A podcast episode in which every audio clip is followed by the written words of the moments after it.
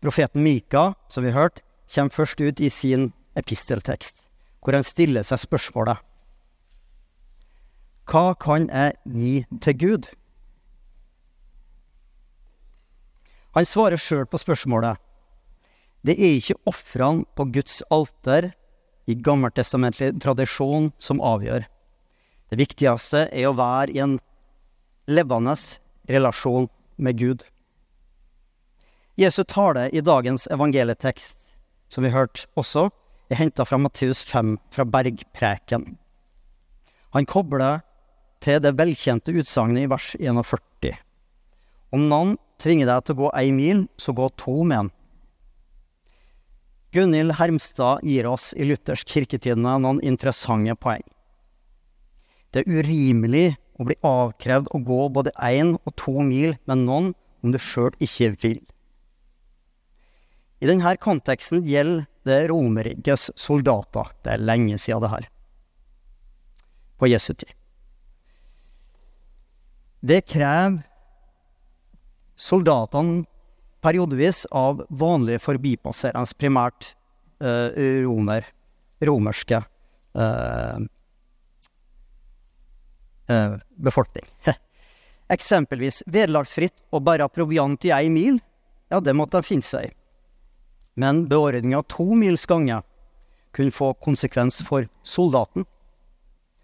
De blei betrakta som urimelige om de gjorde det, og kunne straffes for det. Et menneske er ikke bare et instrument for soldatens behov, som i dette eksempelet. Å gå ei ekstra mil var en protest fra skadelidtes side, hvor soldaten sjøl risikerte straff. Jesu radikaliserer lovbudet ytterligere i tredje Mosebok. Han råder disiplene om å utøve radikal kjærlighet. Hva er nå det? Agapekjærlighet. Uten å kreve noe tilbake. Den omfatter alle mennesker, også dem vi ikke liker. Slik sett setter Jesus nestekjærligheten inn i et universelt perspektiv. Det gjelder alle på vår jord. Her er Jesu lignelse normativ. Kjærligheten synliggjør hovmodet til soldaten, og den undertryktes skjebne kommer frem i lyset. Kjærlighetens kraft er egentlig en protest mot utnyttelsen. Kjærligheten peker på menneskeverdet, både den som blir utnytta, og den som utnytter. Kjærligheten kjemper og gir kraft til nedbøyde sjeler. Det er den sanne kjærligheten i Jesu ord til sine disipler oppe på berget. Så er det slik, da, det her livet. Vi får det ikke alltid til. Allikevel kommer Gud oss i møte og lar oss erfare Hans nåde. Vi er bra nok sånn som vi er. Men denne agapekjærligheten har en litt uklar beskrivelse som ikke sier oss noe om opprinnelsen, tenker jeg. Går vi til Exodus 3, fortellinga om slaveriet i Egypt, som vi kanskje har hørt litt om, klarner forståelsen av den originale kjærligheten. Moses står som et eksempel. Han som i utgangspunktet var en prins av Egypt, dog av jødisk opprinnelse.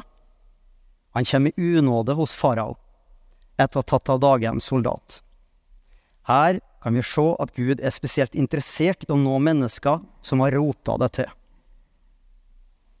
Han rømte, altså Moses, var alene og ensom i ørkenen.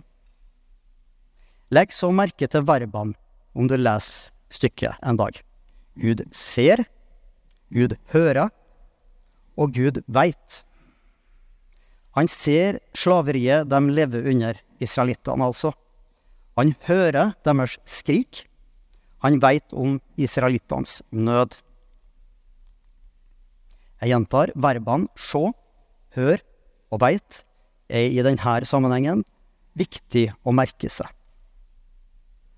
Gud ønsker en relasjon med oss og han er ekstra ivrig på å få en fornya relasjon til dem som har opplevd dårlig behandling. Guds svar på ønskene og ønsker nærhet med oss i Exodus, er hans egne ord. Jeg har kommet ned. Hvis vi fokuserer på de to ordene 'kommet ned' For oss kristne betyr det én ting, kun én ting. Det menes Jesus. Jesus er Gud. Kommet ned, Jesus er Gud på jord, der du er i dag. Han ser oss, han hører oss, han veit hvordan vi har det. Jesus er den brennende flammen av Guds kjærlighet som ikke lar seg slukke. Den er konstant, evig. Ikke veit jeg hva den opprinnelige meninga i teksten var for omtrent seks århundrer før vår tidsregning, når de antallet ble skrevet ned. Men jeg er ikke i tvil hva ordene betyr for meg som kristen. Jesus er Gud som sier 'Jeg har kommet ned', sjølve inkarnasjonen. Hvorfor kom Gud i Jesus skikkelse ned til vår jord? Og hva er hensikten med det? Jo, fordi han ønsker å være i relasjon med deg og meg.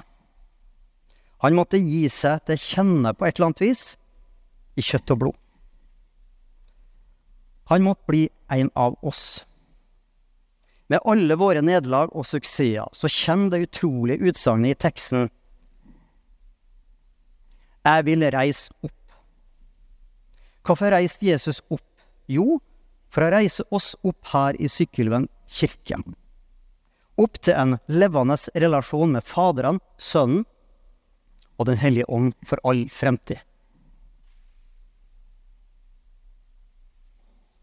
Men tilbake igjen til Moses.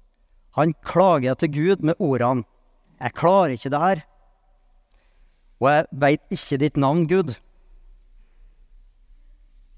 Han har fått et oppdrag. Her leser vi at Gud responderer 'Jeg er den jeg er'. Det er trå tråden som knytter vårt jordiske liv til et evig liv. Og Gud liker å samtaler med Moses, for han sier videre Jeg vil være med deg, og jeg er den jeg er. Gud avslører sin identitet for Moses og oss som privilegerte les lesere i ettertid. Verbet 'være' og ordet 'med'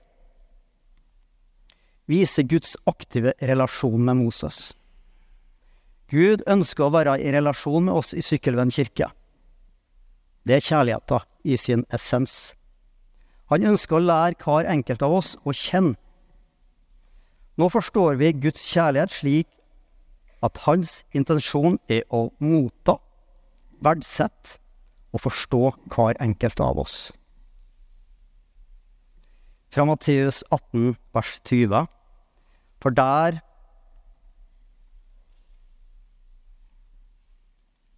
én eller tre er samla i mitt navn, der er jeg midt iblant dere.